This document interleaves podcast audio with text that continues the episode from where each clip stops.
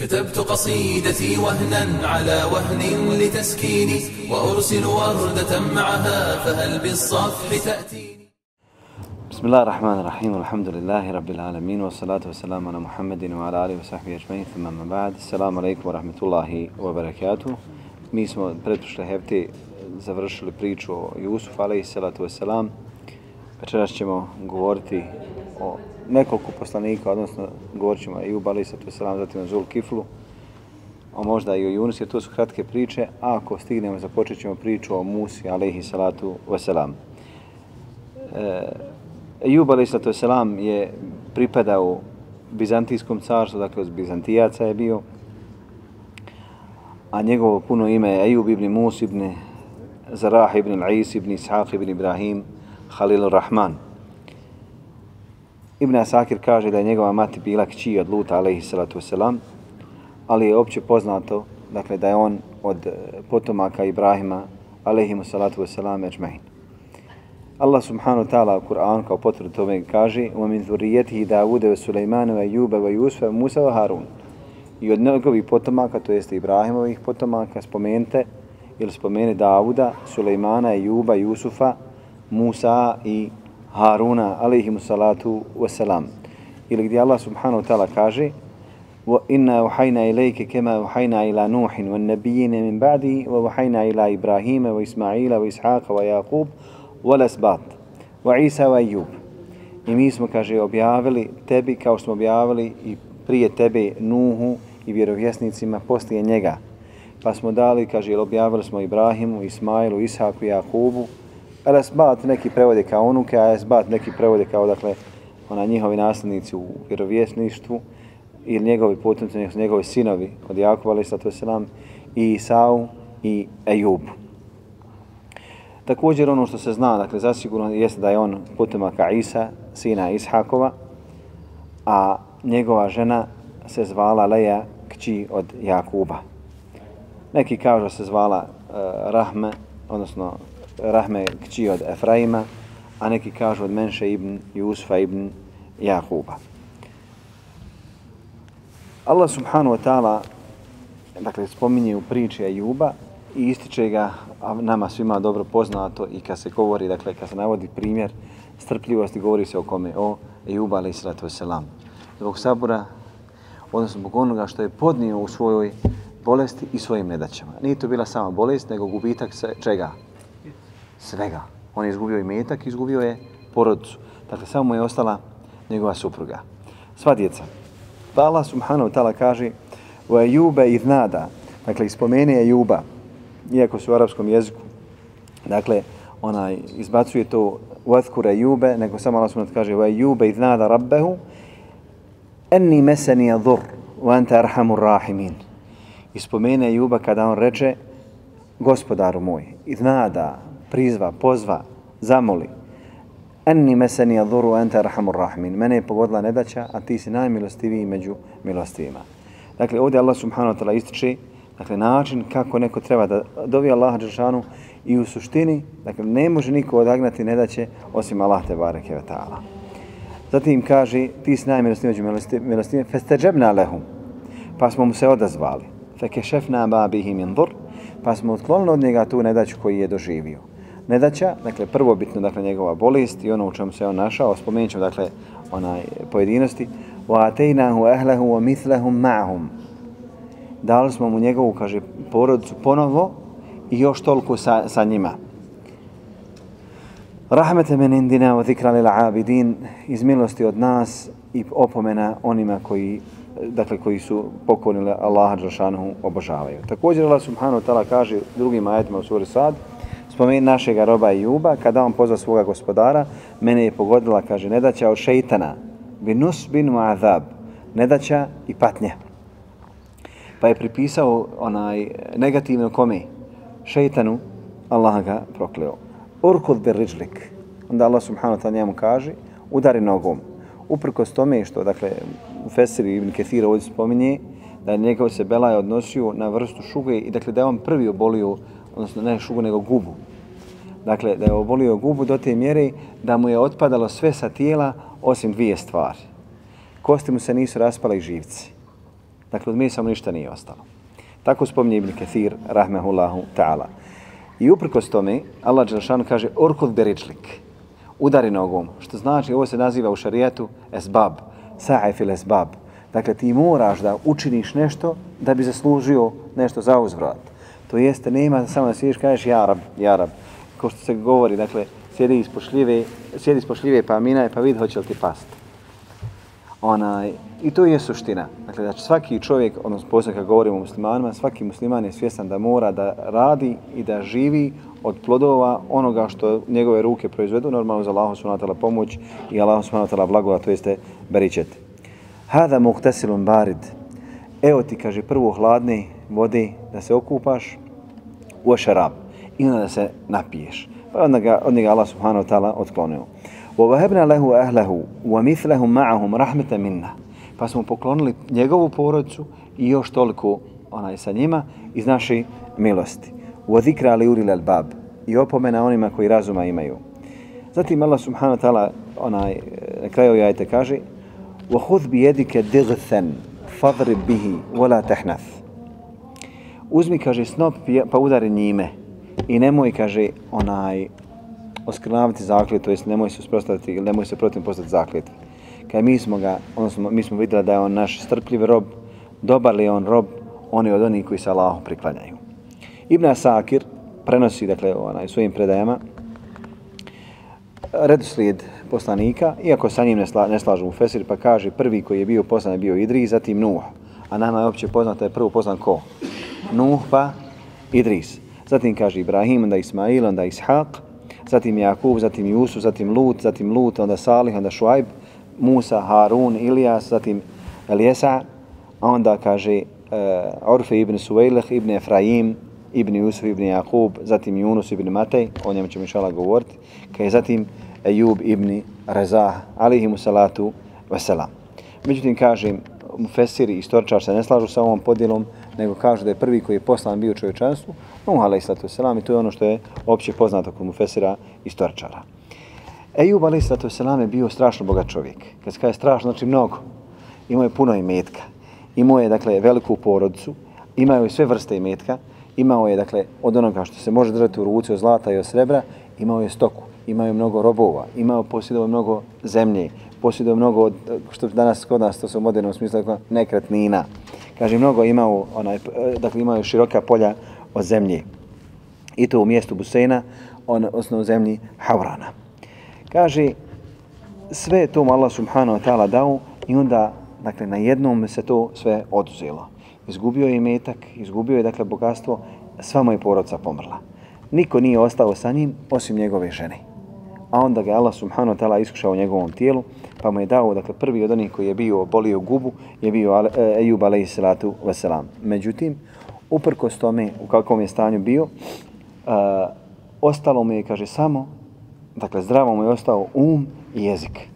Bio je totalno nepokretan, a od tijela mu nije ništa ostalo da mu nije otpalo, osim kostiju i živaca.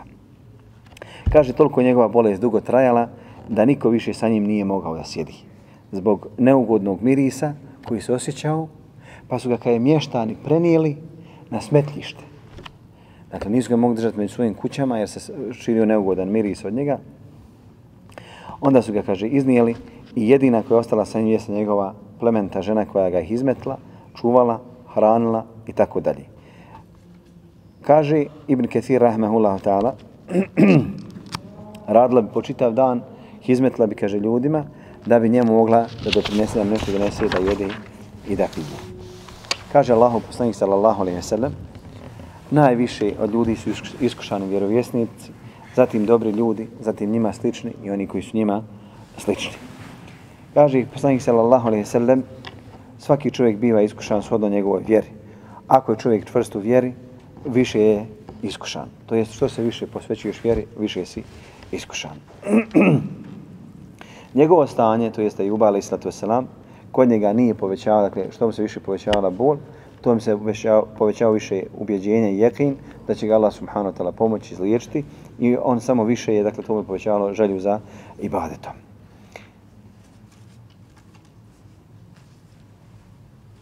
Kaže, e, Mufesir se, odnosno istoričar se razilazi, pa kažu da je bolovao tri godine, neki kažu da je bolovao sedam godina, a ono oko, se, oko čega se slažu jeste da je njegova bolest toliko potrajala da mu tijela više ništa nije ostalo.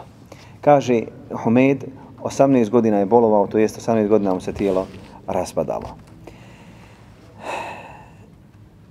Njegova žena, kada je se pojavio strah kod ljudi da je puštaju svoje kuće, boje se da ne prenese bolest na njih, počeo da odbijaju njene usluge, to jeste nisu je prihvatali da im čisti, da im radi.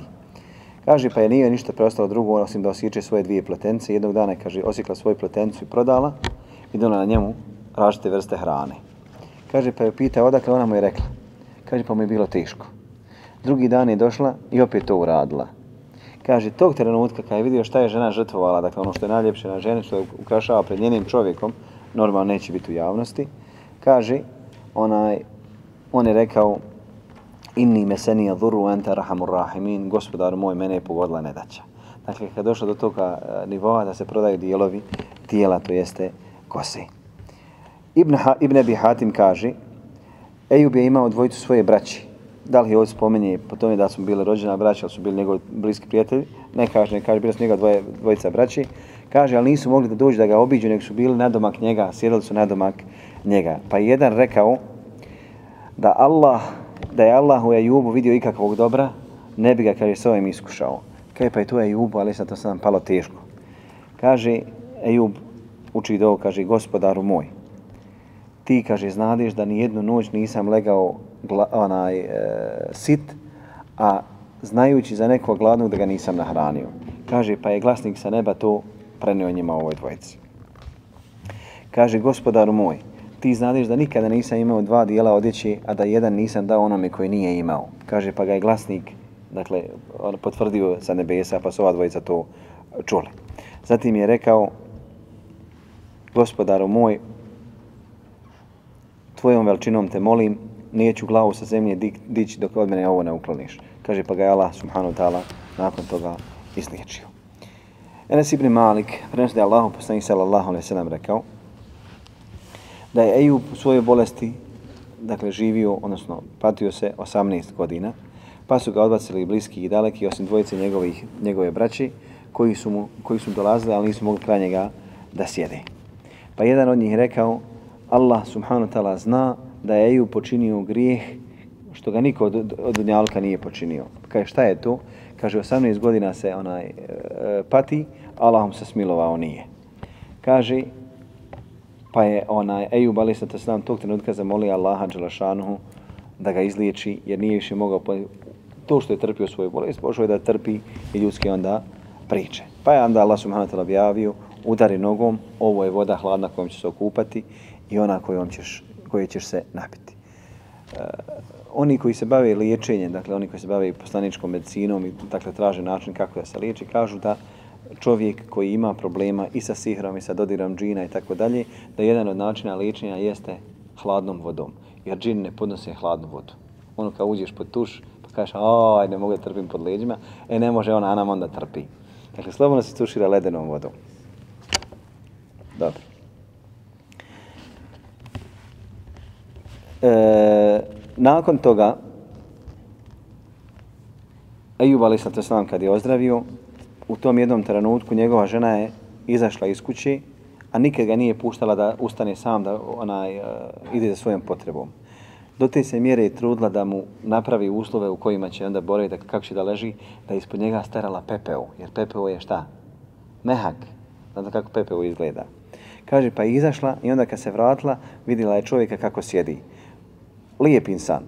I ona kaže, pita njega, jesi li vidio jednog Allahovog roba što je ovdje bio?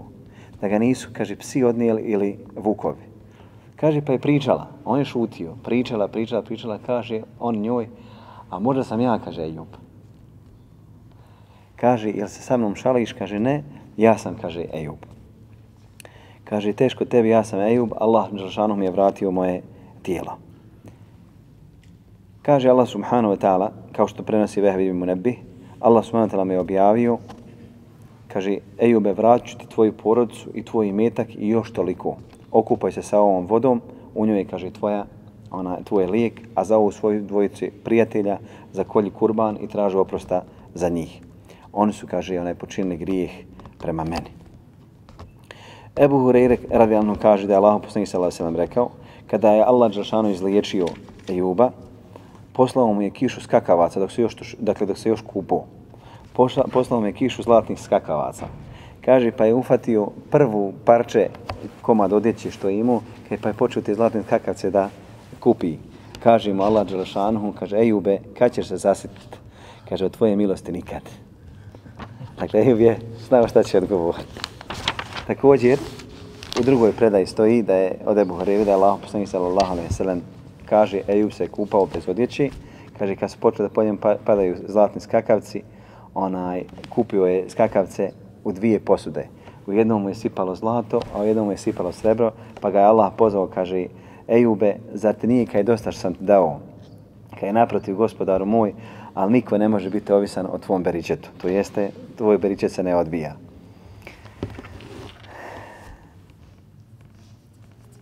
Kažu Fesir, odnosno istoričar, da me Allah subhanahu wa ta'ala vratio njegovu porodcu, dakle svu onu djecu koju je Allah Đelšanu usmrtio, da mu je Allah Đelšanu ponovo i oživio i još da mu je toliko rođeno, dakle još toliko djeci. Neki kažu da je imao 13, odnosno 14 djeci, pa i onda na kraju imao 26 ili 28 djeci. Alikum salam wa rahmatullahi wa barakatuh. Ajet u kojem Allah subhanahu wa ta'ala kaže وَهُذْ بِيَدِكَ دِغْثًا فَضْرِبْ وَلَا تَحْنَث Uzmi kaj svojom rukom snop i nemoj, kaže, iskrnaviti zakletvu. Udari, nemoj iskrnaviti zakletvu. U Fesiri kažu, odnosno istoričari kažu, da je šeitan dolazio njegovoj ženi i govorio kako će on tražiti lijeka, odnosno da počini grijeh. Pa je Ejub, alaihissalatu selam, znao i shvatio da je on šeitan, a ona nije znala. Pa je Ejub, alaihissalatu selam, obećao da će je kazniti da bi Allah subhanahu ta'ala iskupio zbog njene dobrote koju ona posvjetila svom čovjeku, Allah subhanahu wa ta'ala mi objavio ovu objavu, pa su najviše, dakle, hanefijski učenjaci, a i u ostalim svim mezhebima su iskoristili ovaj ajet da je dozvoljeno, odnosno kao način, kako doći do iskupljenja zakletve. To jeste, dakle, pravnici, kada je Allah subhanahu wa ta'ala njemu rekao napravi snop po stotinu slamki pa je udar, neće osjeti bol od stotinu onaj, suhi slamki kažu, pa, se na, pa su tražili načine posebne, dakle, onaj, poglavljima u svojim fikskim onaj, e, knjigama, kako se iskupiti za određenu zakletvu. Ejub a.s. je preselio, a imao je 93 godine, međutim u drugom hadisu gdje kaže da je bolovao, odnosno kad ga je pitala njegova žena zašto ne tražete Allah izliječi, on je rekao, zar sam živio 70 godina, zar ne mogu o ljepoti i nimetima, zar ne mogu još toliko živiti u ovoj patnji. Pa kaže da je živio više od toga, odnosno da je živio 18 godina, to je 88, da je posle toga živio još 30 godina. Tako da Allah najbolje zna sve te cifre, mi smo od početka govorili, sve te cifre ne može niko, odnosno brojeve ne može niko potvrditi, osim ono što je Allah subhanahu ta'ala spomenuo za Nuha alaih sallatu wasalam, da je bio među svojim narodom 950 godina. A mimo toga koliko je prije objave i koliko je posle objave živio, samo Allah dželevala zna. Samim tim smo i završili priču o Ajubu alaih sallatu wasalam. Neki su tvrdili da je on on bio Zulkifl, neki kažu ne, nego da je Zulkifl njegov sin, treći kažu da je Zulkifl od njegovog potomstva, Allah najbolje zna. Allah subhanahu wa ta'ala kaže ispomeni Ismaila i Idrisa i Zulkifla. Svi su oni bili strpljivi. Njih smo uveli, kaže, u našu milost, zatim njih, dakle, onaj, oba su našu, milo, našu milošću. Oni su od dobrih ljudi. Također Allah subhanahu wa ta'ala kaže spomene naše robove Ibrahima, Isaka i Jakuba. Uli lejdi u lepsar. Kad se kaže u arapskom jeziku uli lejdi u lepsar, misli se na šta? Na one koji su dakle, uli lejdi, oni koji svojim rukama činili hajr, oni koji su žudili prema hajru, u lepsar, oni koji su fakat bili znalci, to jeste, bili su pronesljivi. Inna ahlasnahum bi hali satine zikre dar. Mi smo im, kaže, shodno njihovim dijelima darovali također nagradu na onome svijetu, to jeste i spomen na Dunjaluku, a i lijepo mjesto na onom svijetu. Wa innahum لَمِنَ la minel mustafine. On su kod nas od onih koji su odabrani. Spomeni Ismaila, Jesa i Zul Kifla, svi su oni odabranici. Neki kažu, istoričari, da Zulkifl uopšte nije bio vjerovjesnikom, nego da je bio dobar čovjek i da se istakao po tome što je bio pravedan vladar. Neđih od prenosi od Mujahida pa kaže nije bio vjerovjesnik, on je bio dobar čovjek, a Allah subhanahu wa ta'ala je obećao vjerovjesniku njegova naroda da će ga naslijediti čovjek koji će među njima suditi po dobru, to je po pre, pra, pravednosti. Kaže, pa se zbog toga, pa je zbog toga dobio ime Zul Kifl. Zul Kifl od tekel, Tekeluf, dakle onaj koji uzeo na sebe obavezu, pa je Zul Kifl kad uzeo tu obavezu, pa je onda onaj e, dobio taj, taj nadimak. Mujahid kaže, kad je ostario Jesa, kaže da mi je naći čovjeka od svoga naroda ko će ostati među njima poslije mene, pa da im sudi pravedno. Kaže, pa se skupili ljudi kao džemat. A onda je rekao je Eliesa, da mi je, kaže, čovjek koji posti danju, a klanja noću i nikad se ne ljuti. Kaže, pa je ustao jedan među njima, neugledan. Kaže, ja. Kaže, ti klanjaš, ti postiš danju, klanjaš noću i ne ljutiš se. Kaže, da. Kaže, razičite se. E, Jesa kaže, suna, razičite se. Kad je došao sljedeći dan, on ih ponovo upita. Ima li, kaže, neko među vama koji posti danju, klanja noću, ne ljuti se? Kaže, pa opet usto isti taj čovjek. Kaže, hajde se razičite. Je bio neugledan. Kaže, treći dan, Iblis je došao sa njima i kaže, onaj koji ustane među njima, njega se držite. Dakle, na njega navalite. Kaže, pa muđetan i džine nisu mogli ništa. To jest nisu ga mogli naljutiti, nisu mogli ništa uraditi. Kaže Iblis slično, ja ću. Puste ga meni. Jer ga Jesa odabro da bude njegov nasljednik. Kaže, pa me je došao u liku staroga čovjeka. I to samo u vremenu kad je Zul Kifl spavu. Spavao je, kaže, jedan trenutak od dana, takozvana po nama, nama poznata Kajlula. Jer je znao šeit, on znao Iblis da ne spava noću, i da danju posti. Kaže, pa je pokusu na vrata. Kad su otvorili sluge, kaže, ja sam star čovjek, treba mi taj i taj da mi presudi. Kaže, šta je bilo? Kaže, moj narod mi čini nepravdu, uzeli su mi moje, moje hakove, udarili su, udarili su mi na obraz, udarili su mi na čast, čini mi to, to, to, svašta je nešto nabrojao, nabrojao. I on kaže, sutra, kaže, i pričao mu, sve dok Kejlula nije prošla. Kad je Kejlula prošla, onda je Zulkifle mora da izađe za svojim poslom koji je bio posvećen. Kaže, pričaju sve dok Kelula nije prošla, a Zulkifle mu reče, dođi, kaže, sutra kad se okupi narod, kaže, da te tvoj hak vratim. Kaže, kad se skupio sutradan narod, njega nije bilo među njima. Kaže, pa je, kad je završio svoj posao u presudama, Zulkifle je došao kući da spava, pa je ovaj ponovo zakucu. I to u onom vremenu kad treba Zulki da spava. Što znači da nije spavao prethodni dan, pa taj dan kad mi je došao, pa ovaj treći dan već dolazi, ne spava. Kaže, ko je, kaže, onaj matori čovjek ili stari čovjek, mazlum. Kaže, otvorite mu vrata. Pa je sjeo pred Zulkifla i pričao mu svoju istu onu priču od jučer, ispričao dok nije prošla Kejlula. Kaže, kad rekao sam da dođeš među, kaže, narod, kad se okupi, Kaže, a ja sam tebi, kaže, rekao da su oni pogan narod, da oni hakome, haka nikom ne vraćaju. I kaže, uzeo me to vrijeme i onda treći dan, kaže Zul Kifl, kad je došao da Kejluli, kaže Zul Kifl ovim svojim čuvarima, kogod da dođe ne puštajte ga, ja kaže moram zaspati. Kaže, kad je došao Iblis pred njih, kaže, rekao nam je da nikoga ne puštamo, onda je Iblis preskočio, kobaj preko ograda, se provuku kroz šupljine i ušao i zakucao vrata iznutra. Kaže, kad je Zul, Zul Kifl ustao, kaže, ko je? Kaže, ja sam onaj što trebaš da mu vratiš njegov hak. Kaže, zar ti nisam rekao da dođeš jučer i prekučer? Kaže, pa je Zul Kifl uzeo za vrata, da vidi, da pita one što ste ga pustili, vrata zaključana.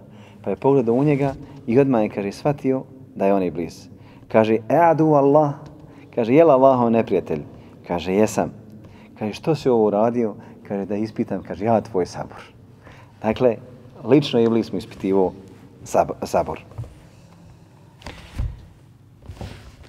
Time, uh, time je Zul Kifl, dakle, pokazao on kaže lijennehu te kefele bi emrin fa ufije bihi. Dakle, on je preuzeo na sebe, se neće ljutiti.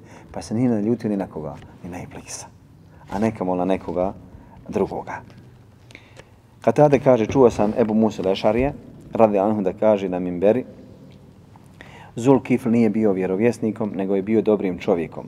Klanjao je svaki dan stotinu namaza.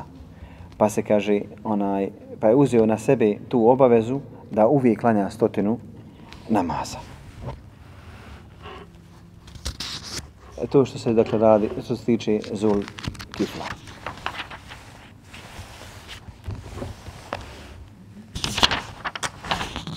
Zatim nam dolazi priča o ljudima spomenutim u suri Jasin. I Allah subhanahu wa ta'ala kaže, navedi im, kaže, primjer stanovnika sela. Neki kaže se radi o Antakiji. Antakija je danas gdje je u? Ili Antakija, kako se reći? Kako čini naglasak? Dakle, Antakija danas u današnjoj Turskoj, kaže, idžaje hal murselun, kad su došli izaslanici. Poslali smo im dvojicu, pa su ju ulaž utirali, pa smo ih onda, kaže, ojačali trećim, pa su oni rekli, mi smo vama poslanici od Allaha poslani. Neki kažu da su ovo poslanici bili od, izaslanici bili od koga? Od Isa alaih sallatu wasalam. Međutim, Ibn Kathir kaže ovo je netačno, tvrdnja Ehlul Kitabije, Kitabija je netačna, jer su ovi poslanici poslanici od Allaha poslani i objava im došla. A Isa, ovi izaslanici od apostola, tako kako i mi poznajemo kao pomagači ili apostola, je sasvim druga priča, također u Antaki. I ove dvije priče nemaju nikakve svoje veze. Kažu oni njima, vi niste ništa drugo osim ljudi poput nas, gospodarka je nije spustio ništa sa nebesa, vi samo lažete. A oni rekoše, naš gospodar zna da smo mi vama poslani. Naše je da vam, kaže, istinu dostavimo, a oni rekoše, mi, dakle, smatramo da će nas zlo od vas, kaže, pogoditi. Ako ne prekinete, mi ćemo vas kamenovati i osjećate od nas, kaže, bolu, bolnu patnju. Ovaj ovdje ajet jasno ukazuje da kada god i kome god istina dođe, da nevjernici ispoljavaju svoju silu. A to jeste i do mjere i lišavanja života. I uvijek u istoriji čovječanstva je tako bilo. Iako dođemo, kada budemo govorili o Musa, ali islatu wasalam, Musa, ali islatu wasalam, vidjet da se ista priča odnosila i na Musa i na prijetne koji su njemu počivali faraon i njegova svita. I to je taj, dakle, kuranski dokaz kojim se želi re, a, re-radikalizirati, to jeste sumanji teorija radikalizma vjernika islama, a da se pripiše radikalizam kome? Nevjernicima. Jer su nevjernici ti koji uvijek prijete vjernicima. I ne mogu nevjernici osjetiti ono što osjećaju vjernici, jer vjernici neće nikada ispoljiti onaj silu, osim ako im se nepravda čini. To jeste, neće prihvatiti onaj, da se na njima prosipa sila. Pa kaže Allah subhanahu wa ta'ala ovdje, kako su oni im govorili, ako ne prekinete, mi ćemo vas kamenovati. I osjećate od nas bolnu patnju kažu oni njima, vaša je sudbina sa vama. Mi smo vas opomenuli, ali vi, kaže, narod, granice prelazite. A onda, kaže, dođe jedan čovjek sa kraja grada i reče, narode moj, slijete izaslanike. Kažu da je ovaj čovjek htio da im ukaže na istinitost ili da im on pokaže svoj iman. Da on pokaže da je on vjerovao u njih. Kaže, slijedite oni koji od vas ne traže nikakvu nagradu, oni su na pravom putu ili oni su ti koji ne upućuju na pravi put. Kaže, šta je meni? Ili zašto ja ne bi obožavao onoga koji me je stvorio, a njemu ćete se vratiti? Zar mimo njega da uzimam druga božanstva, ako milostivi hoće da mi šta našteti, neće mi ništa pomoći, pomoći njihovo zauzimanje, niti će me oni spasti.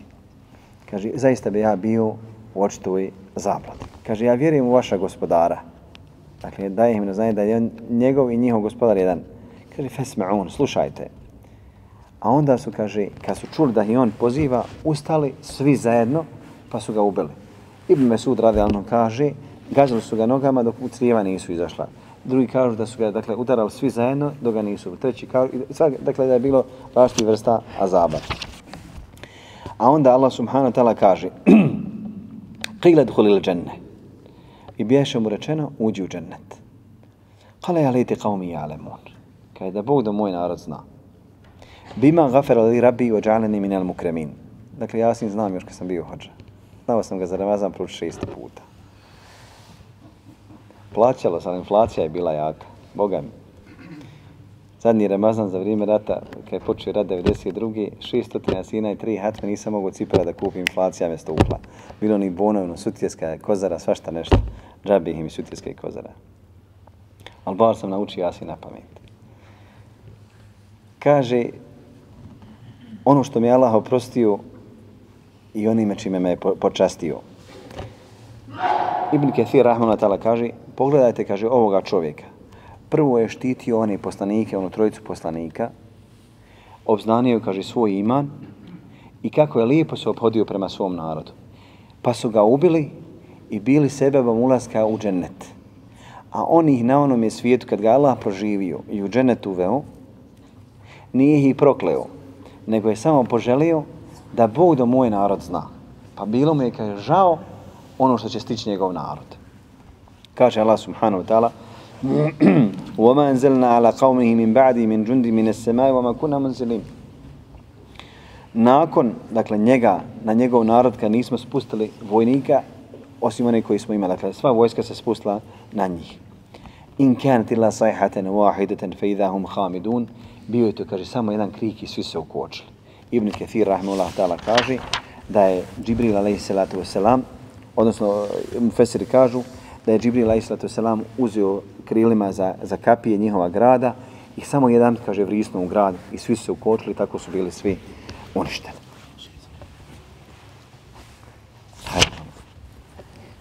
Nakon toga, nakon toga dolazi priča o Junusu a.s. jedini poslanik čiji narod Allah subhanahu wa ta'ala nije onaj e, kaznio nakon što se suprostali svome poslaniku. Kaže Allah subhanahu wa ta'ala nema ni jednoga sela, to jest ni jednoga nasada koje je vjerovalo i da im je njihov, kaže, iman povjerovao, dakle, nakon što im je onaj, što je poslanik napustio, osim Junusova naroda. Kaže, kad su povjerovali, otklonili smo, kaže, od njih poniznu patnju na ovome svijetu i dali smo im da žive do časa određenog. Također Allah subhanahu ta'ala kaže ispomeni za Nuna ili za Nuna, a to jeste Yunus a.s. kad je otišao ljut od naroda svoga. Zbog čega se ne ljutio? Zbog njihove neposlušnosti, njihove nepokornosti. Kaže, فَظَنَّ أَنْ لَنْ نَقْدِرَ عَلَيْهِ فَنَادَ فِي ظُلُمَاتِ Mislio je, dakle, mislio je Yunus da ga Allah Đeršanu neće, dakle, zato pitati. Odnosno da će možda pobjegne od kadera. Kaže, pa je pozvao u tminama. En la ilaha ila ente subhanak ini kuntu mina zalimin. Pa on u tminama pozva, nema drugog Boga osim tebe, subhanak, velčastan ti si, ja sam zaista bio od nepravednika. Kaže, festeđevna lehu wa neđajna. Pa smo mu se odazvali i spasili ga. Minel gam od tuge. Gam, jer kada ga je progutao kit, Junus se probudio u utrobi kita, misleći prvo da je mrtav, a kada je pošao da se kreće, skontuje da je, shvatio je da je živ. Pa ga je tuga, još više tuga ga poklopila. O kedalike nunđil mu'minin, tako mi spašavamo vjernike. To jeste, kada je Yunus a.s. otišao od svoga naroda, Allah subhanahu wa ta'ala od njihova srca je onaj, udahnuo te obu, želju za istikfarom, kaže pa se oni pokajale zato što je njihov poslanik napustio. Kaže pa su izveli stoku svoju i malu djecu, izvratili oriječ naopako, razdvojili bebe od majki, razdvojili mladunčad od, eh, dakle, od krupne sto, stoke. Kaže, pa su svi se dale u šta? U plač. I ljudi i životinje. I ljudi, i žene, i djeca su plakala, i životinje su, dakle, onaj, eh, krupne životinje su rikale, mučale, kako god hoćete, za svojom malom stokom, kaj sve. Kaj nastoji opšti haos, kako spomni Ibn Kathir, rahmehullah ta'ala, kaže, pa je u jednom trenutku Allah Đelešanu zbog toga im oprostio, jer je Allah prihvatio njihovu teobu. Zato Allah subhanahu wa ta'ala kaže, فَلَوْلَا كَانَتْ قَرِيَتًا آمَنَتْ فَنَنْفَاهَا إِمَانُهَا Da je bio jedan, da li je bio jedan, jedno naselje kojima je pomogao njihov iman, osim, kaže, onaj naselja Yunusovog, alaihi salatu wasalam. Kaže Allah subhanahu wa ta'ala, وَرْسَلْنَاهُ إِلَى مِيَةِ أَلْفٍ أَوْ يَزِدُونَ Mislimo ga poslali stotini hiljada ili je bilo još više. فَامَنُوا فَمَتَانَهُمْ إِلَى حِينَ Kad su povjerovali, mi smo im dali da uživaju do časa određenog. U Fesiri kažu da im je Allah subhanahu wa ta'ala dao da uživaju na dunjalku, a da im te oba se nije odnosila na ahiret, ali to ne može niko e, potvrditi. Također mu Fesir se razilazi, pa kažu koliko ih je bilo. Bilo ih je, kažu, sto hiljada u osnovi. Kaže, jezidun koliko? Kažu deset hiljada, neki profesor Fesir kažu još dvadeset hiljada, neki kažu 40.000, neki kažu 170.000, neki kažu 132.000 tako dalje. Dakle, mu Feseri ne znaju koji je to bio broj. Kada je Allah subhanahu wa ta'ala iskušao Junusa time na pokornošću njegova naroda i kada se on zbog, zbog svoje srđbe, a nije imao pravo da se eh, rasrdi na njih, zbog svoje srđbe otišao, kaže Allah ga iskušao time što se našao na lađi koju su već talasi pošli da bacaju lijevo i desno, pa su oni dogovorili da onaj bacanjem kocki jednog ga se liši, da li kao žrtvu ili kao višak tereta na samoj lađi. Vidjevši kakav je Yunus a.s. kad je prvi put kocka pala na njega, rekli su nemoguće ovog čovjeka nećemo. Hajmo još jedan put. Drugi put na njega kaže nemojte njega pustiti. Treći put kaže Yunuse, kaže ja ću sam.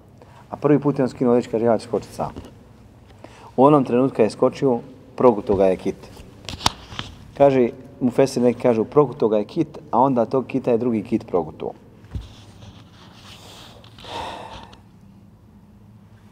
Međutim, Allah subhanahu wa ta'ala je dao da taj kit plovi okeanima sa njim.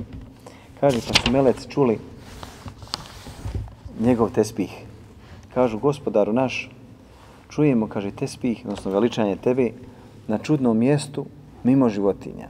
Dakle, Allaha veliča sve što je šta? Na kopnu i u moru. Kaže, prvi put čujemo ljudski glas na čudnom mjestu, što se nikad taj glas nije onaj pojavio. Kaže Allah subhanahu wa ta'ala, to je moj rob Yunus. Kaže, tvoj rob Yunus onaj. Kaže, jeste, to je moj rob onaj. Bio je poznat po čemu? Po zikru. Kaže, pa su melec se zauzmali za njega. Melec se zauzmali za njega, da mu Allah subhanahu wa ta'ala oprosti. Feleula ennehu kane minel musabbihin.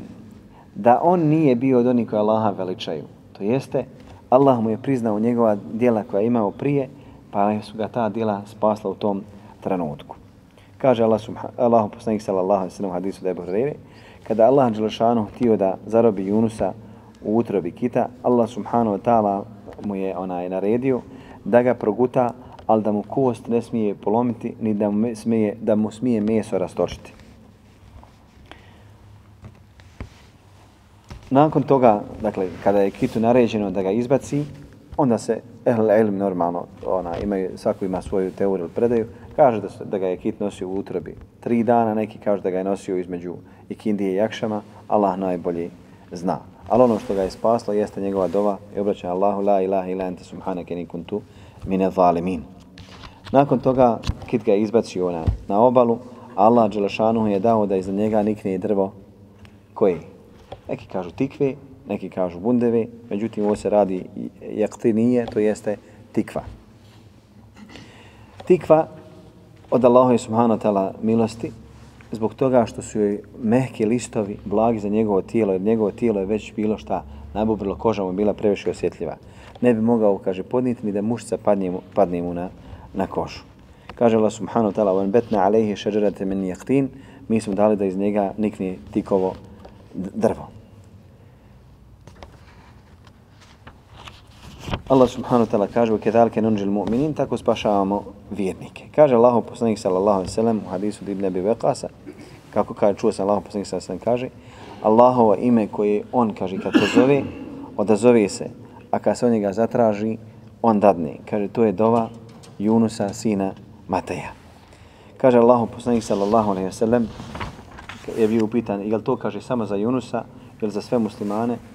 Kaže Allahu poslanik sallallahu alejhi i za Junusa i za sve muslimane. Imam Ahmed kaže, odnosno prenosi u predaju Sejada, ali to jeste od Ibn Abi Bekasa, kaže, prošao sam pored Osmana ibn Afana u, u džami pa sam ga poselamio. On mi selam nije odgovorio. Pa sam došao Omer ibn Hatab da se požalim i rekao sam, ja Emir al-Mu'minin, jel se nešto oko selama promijenilo? Kaže, ne, zašto? Kaže, malo sam prije prošao proti, po, a, pored Osmana u džamiji poselamio ga, nije mi, kaže, onaj, odgovorio, iako su njegove oči se kaj napunile mojim, mojim likom. Kaže, mele, aj mejhi vi. Dakle, vidio me, gledao mene, a se Osman bio zamislio. Kaže, pa je Omer pozvao Osmana, kaže, Osmane, šta ti je bilo da se nisi odazvao svome bratu na selam? Kaže, nisam ga vidio. Kaže, jesi tako me Allah. Kaže, nisam tako me Allah. Kaže, pa se oba dvojica zakleli. Kaže njemu, Sad traži da Allaha, kaže, oprosta, dođi, kaže, te obe, ja sam kao malo prije prošao, a ti nisi odgovorio. Kaže, tako me Allaha, kaže, razmišljao sam u tom trenutku jednom hadisu koji sam čuo da Allaha poslanika sallallahu alaihi ve sellem. A vid mi je kad je bio prekriven, kad si ti prošao, ja te vidio nisam. Kaže, šta ti rekao Allahom poslanik, sallallahu alaihi ve sellem? Kaže, Allahu poslanik sada se nam je pričao nam je o nekoj dovi koju treba proučiti, a onda je došao, kaže, neki Arab, pa je zabunio Allahu poslanika sallallahu alaihi wasallam. Kaže, pa je Allahu poslanik sallallahu alaihi wasallam nije završio tu priču. Kaže, onda sam udario nogom iz Allahova poslanika sallallahu alaihi wasallam. Kaže, je lebu Isa, kaže, jeste Allahu poslaniče, ja sam. Šta hoćeš od mene? Kaže, pošao sam pričati, pošao sam pričati o nekoj dovi koju nisi završio. Kaže, Allahom poslanik sallallahu alejhi ve sellem kaže to je dova za Nuna kada je bio još utrobi kita pa kaže la ilaha illa ente subhanaka inni kuntu min zalimin. Kaže Allahu poslanik sallallahu alejhi ve sellem nikome nije dozvoljeno zbog toga što je Junus i rekao i uradio i doživio nikome nije dozvoljeno da daje prednost meni nad Junusom, sinom Mateje sinom Mateja. Ibn Abbas kaže da Allahu poslanik sallallahu alejhi ve sellem rekao nijednom robu nije dozvoljeno da kaže da sam ja bolji od Junusa ibn Mataja. Također u predaji kada se potukli, odnosno kada je musliman ošamario jednog jevreja, pa se ovaj poželi u poslaniku sallallahu alaihi wa sallam, kaže Allahu poslanik sallallahu alaihi wa sallam, nema nikoga boljeg od poslanika nad poslanicima. Allah je odabrao Musa na svim svjetovima. Ovako stoji kod imama Buharije. I niko ne smije reći kada sam ja bolji od Junusa ibn Mataja. Kaže Imam Buhari, ovo je Allahov poslanik sallallahu alejhi ve sellem rekao upravo zbog svoje skrušenosti i onako kako je on bio pred ashabima radijallahu anhum wa. Hoćemo nastaviti o Musa alejhi selam. Koliko smo već pričali? Do je zana pola sata. Dobro. Musa alejhi selam je spomenut na mnogo mjesta u Kur'anu i puno puta i u različitim verzijama, dakle, različiti bilo njegova života. I Musa, alaih sallatu wasalam, od Ulazma, istaknuti poslanika, poslan je Benu Israil, i Allah subhanahu wa ta'ala kaže u knjizi spomeni Musa, on je uistinu bio iskren, bio resul i vjerovjesnik. Dakle, bio je poslanikom i bio je vjerovjesnikom. Mi smo ga, kada je pozvali sa desne strane Tura, i onda smo ga sebe približili. Podarili smo mu našu milost i njegova brata Haruna kao vjerovjesnika. Allah subhanahu wa ta'ala govori o njemu, kažem u različitim, dakle surama, kao što je recimo, Jala Đešanu kaže Tasim Mim, to su, kaže, ajeti knjige jasne. Mi ti govorimo priču o Musau i Faraonu, po istini, samo za ljude vjernike. Faraon se uzdigao na zemlji i potlačio njene stanovnike i pretvorio ih u stranke činio ih je, odnosno tlačio ih je, djecu i mušku klao, a žensku u životu ostavljao. Uistinu je on bio od nepravednika, onih koji nered čini na zemlji. Mi hoćemo, kaže, da, da Allah subhanahu kaže, mi hoćemo da dadnemo naš dar onima koji su bili slabi na zemlji i da njih uzdignemo da budu vođe i da njih učinimo onima koji će zemlju naslijediti. Zatim da im, da im na zemlji vlast podarimo, a faraonu i Hamanu i njihovim vojskama da dadnemo ono o čegu se on najviše bojalo. Naime, faraon je znao da će se u, njegovom, u njegovoj vladavini desiti čudo, to jeste da će roditi dijete koje će ukroziti njegovu vlast. Naime, on je usnio san i u tom snu je bilo da se pojavila dakle, vatra koja je pržila kuće kopta, a nije kuće, kuće jevreja, to jeste Benu Israila. Kaže, pa kad je stavio svoj, kad je dao svoj ispričao svoj stan, san pred Siherbaze i oni koji su kobajagi znali snove da tumači, oni su mu rekli da se pojaviti dijete na osnovu prijašnjih predaja koji su čuli od jevreja da će doći jedan, jer oni su sve poslanike nazivali kraljevima, da će doći jedan vladar ili kralj koji će ugroziti, odnosno srušiti njegovu vladavinu. Kaže, pa je naredio da se njihova djeca ubijaju, da se ženska ostavljaju i zbog toga je bio jedan od velikih holnika i oni koji su činili nered na zemlji. Također, ovo je, kaže, bila Allahova osveta Egipćanima, koptima, zbog onoga što je njihov tadašnji vladar tio da uradi sa Sarom, ženom od Ibrahima, alaihi salatu vesela. Također, ono što je dakle nemoguće izbjeći, a to jeste kader. Dakle, kad se brineš, briga kader neće promijeniti. Njegov san mu je samo bio nagovještaj onoga što će se stvarno desiti. Kažu da su bila dva perioda ubijanja muške djece među onaj, Benu Israel, od Benu Israila. Prvi period e, je bio još prije onaj pojave Musa alaih sallatu a drugi kod njegovog dolaska. Prvi put, zato što je bio nepravednik sam posle faraon, kaže, rasipaju ju stranke. I ovo vam dolazi ono šta zavadi pa vlada, to jeste podijeli ljude, lakše će sa njima vlade. To je faraon upravo radio sa Benu Israilom i sa ostalim narodima u njegovoj vladavini. A drugi nagovještaj je da će se roditi dijete, muško dijete koje će ugroziti njegovu vladavinu, onda je on odlučio, dakle po savjetu Hamana, da ubija mušku djecu.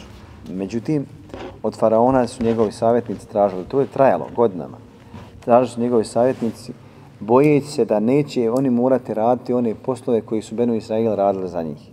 Kaže, ako pobiješ sve muškarce, žene više neće rađati, morat ćemo mi da radimo ove poslove. Dakle, morat ćemo da radimo poslove koje nismo do sada radili. Kaže, pa su onda odabrali da jedne godine ostavljaju, a da druge godine ubijaju djecu. Pa su njegove sluge, njegovi podanici hodali i pratili koja je žena trudna ili ulazili su u kuće, provjeravali i kada bi nalazili, čekali bi kad se dijete rodi, on bi ga odmah uzio. Jer ga Allah subhanahu koristi termin yuzabihun, jezbahun, zeba, klanje, ubijanje. Kaže, pa su dočekali odmah dijete i odmah bi ga ubili. Tako da je Harun, alaih salatu wasalam, rođen u godinu, stariji od Musa jednu godinu. Rođen je u godini, kako, se naziva sanat al-afa, dakle godina kad, se ni, kad nisu i ubijali. A Musa je rođen iduće godine. Međutim, e, Ibn Kathir kaže ovdje, ono što je Allah subhanahu wa ta'ala počastio njegovu majku, jeste da joj se uopšte stomak nije ni vidio. To jeste nisu znali da će ga ona roditi. A onda kad ga je rodila, kad god bi neko došao na vrata, ona bi ga spustila u jednu korpu, svezala korpu, kaže, konopcem i gurnula ga u Nil. Jer je kuća bila na Nilu.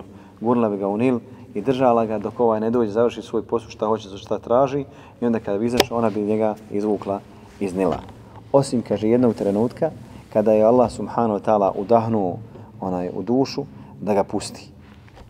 Kaže, وَوْحَيْنَا إِلَا أُمِ مُوسَى نَرْضِيهِ فَإِذَا خِفْتِ عَلَيْهِ فَالْقِيهِ فِي الْيَمِ وَلَا تَخَافِ وَلَا تَحْزَنِ إِنَّا رَادُوهُ إِلَيْكَ وَجَعِلُوهُ مِنَ الْمُرْسَلِينَ Kada rekli smo, odnosno objavili smo Musaovoj majici da ga podoji i da se ne boji, odnosno kada se osjeti strah za njega, da se da ga baci u Nil.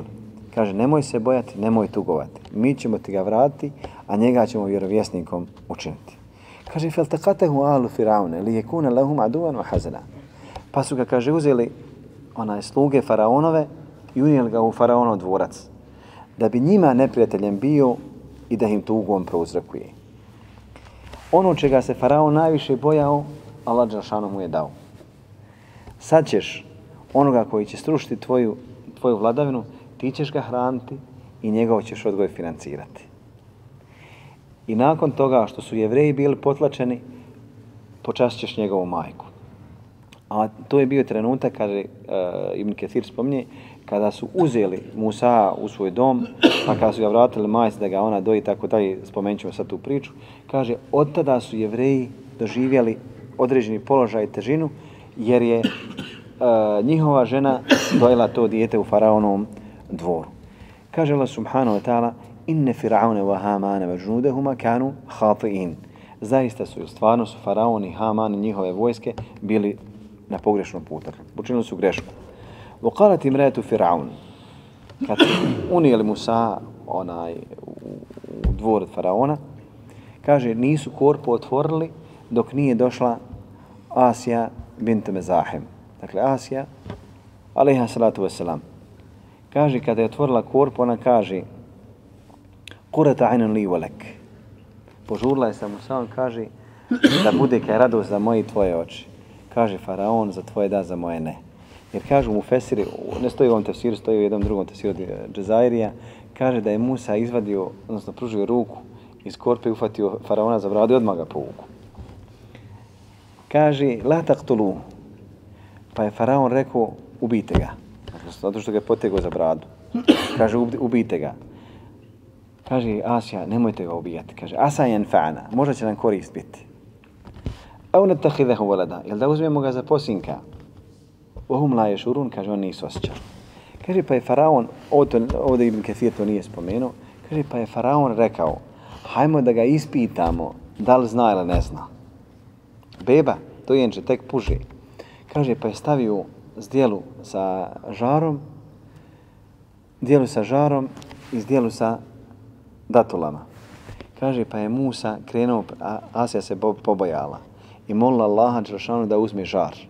Kaže, pa je Musa uživo žar i brzo stavio u usta i zbog toga je imao onaj trag kad je rekao gospodaru moj pošalji moga brata sa menom, on je, kaže, čišćeg jezika i bolje priča od mene. Jer je Musa imao taj nedostatak kada priča. Ali to nije bio nedostatak, nego tim ga je Allah s.w.t. sačuvao da ga faraon ne ubije.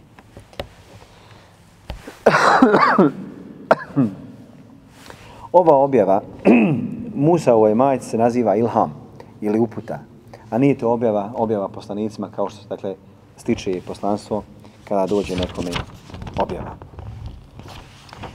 Suheli kaže, Musa majka se nazivala Ajarha, neki kažu Ajazaht, Allah najbolje zna.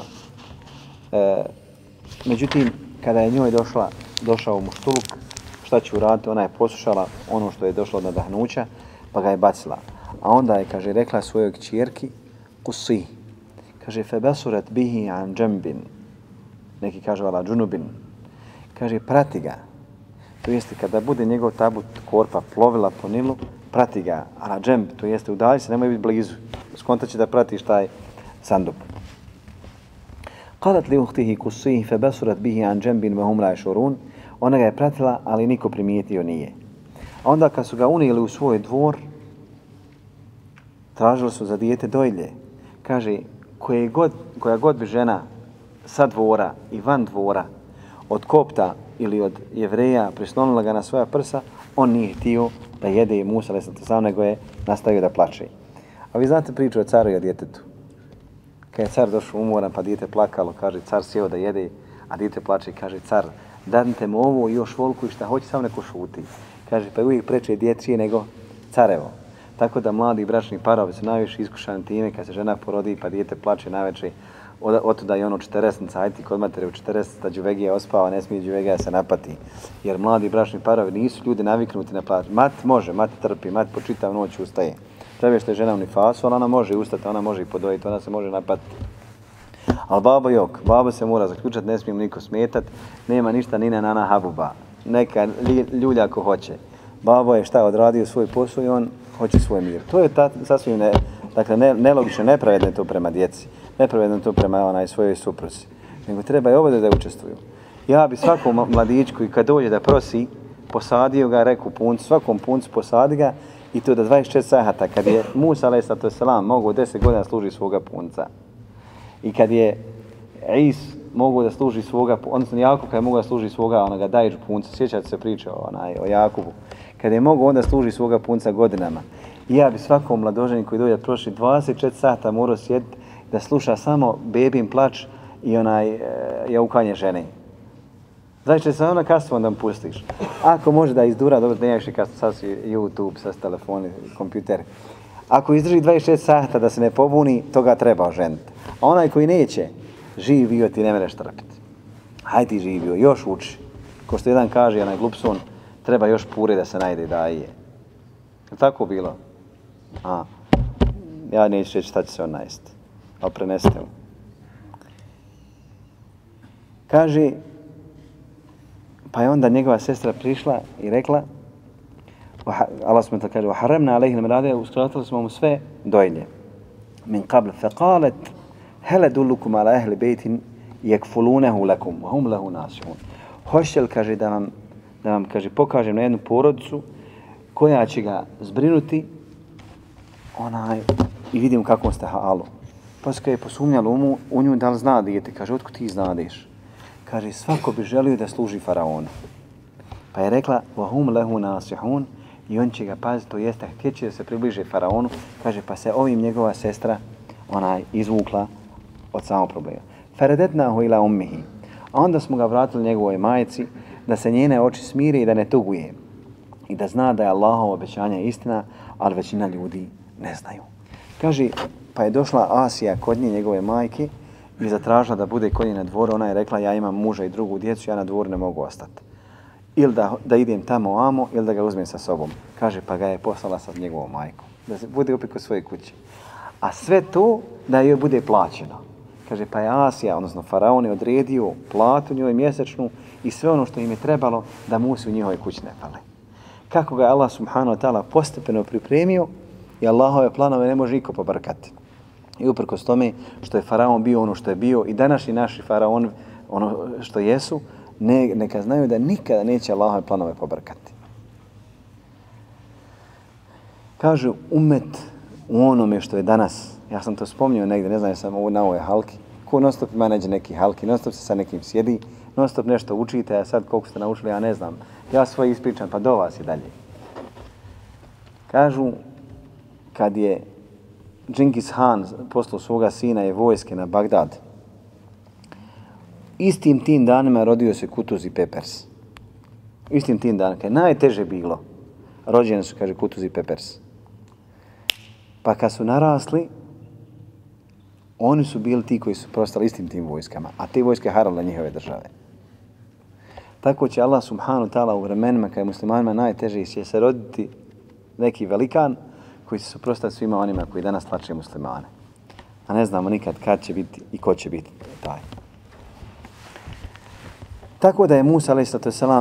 od hrane i odrastao u toj porodci, a mi ćemo inšala u sljedeći put govoriti o njegovom drugom periodu, to jest njegove mladosti i onaj njegovom odvajanju od faraona i njegove onaj njegovog dvora, njegovog dvora sallallahu ala sayyidina wa nabina Muhammed wa ala Muhammed. jazakumullahu khairan jazaa barakallahu fikum كتبت قصيدتي وهنا على وهن لتسكيني وأرسل وردة معها فهل بالصفح تأتيني